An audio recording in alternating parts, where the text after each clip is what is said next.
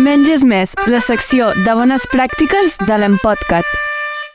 I en aquest episodi, el Menys és més, us portaré una iniciativa, en aquest cas és el Choosing Wisely Canada, és una recomanació que ve de l'Associació Canadenca d'Infermeres i de l'Associació Canadenca d'Infermeres de Cures Intensives.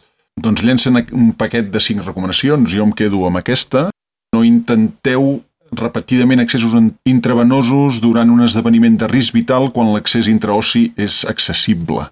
Ens diuen que en les situacions d'emergència els accessos intravenosos poden ser difícils d'obtenir, ja ho sabem això, que sovint les infermeres perdem molt temps intentant insertar vies perifèriques i que a vegades fins i tot es comencen a insertar catèters venosos centrals, però que si l'accés intraossi és accessible, és molt més ràpid i molt més segur si es fa, ho fa per personal entrenat.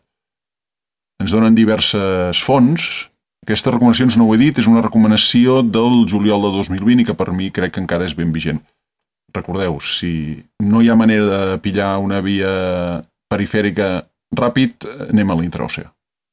En aquesta llista hi ha altres recomanacions, una llista de cinc recomanacions que també són interessants. Eh? No poseu ni deixeu posat un catèter urinari sense una indicació acceptable. No fem servir benzodiazepines per tractar el deliri no fem servir com a primera instància les contencions mecàniques per evitar que la gent se'ns extubi o s'arrenquin coses.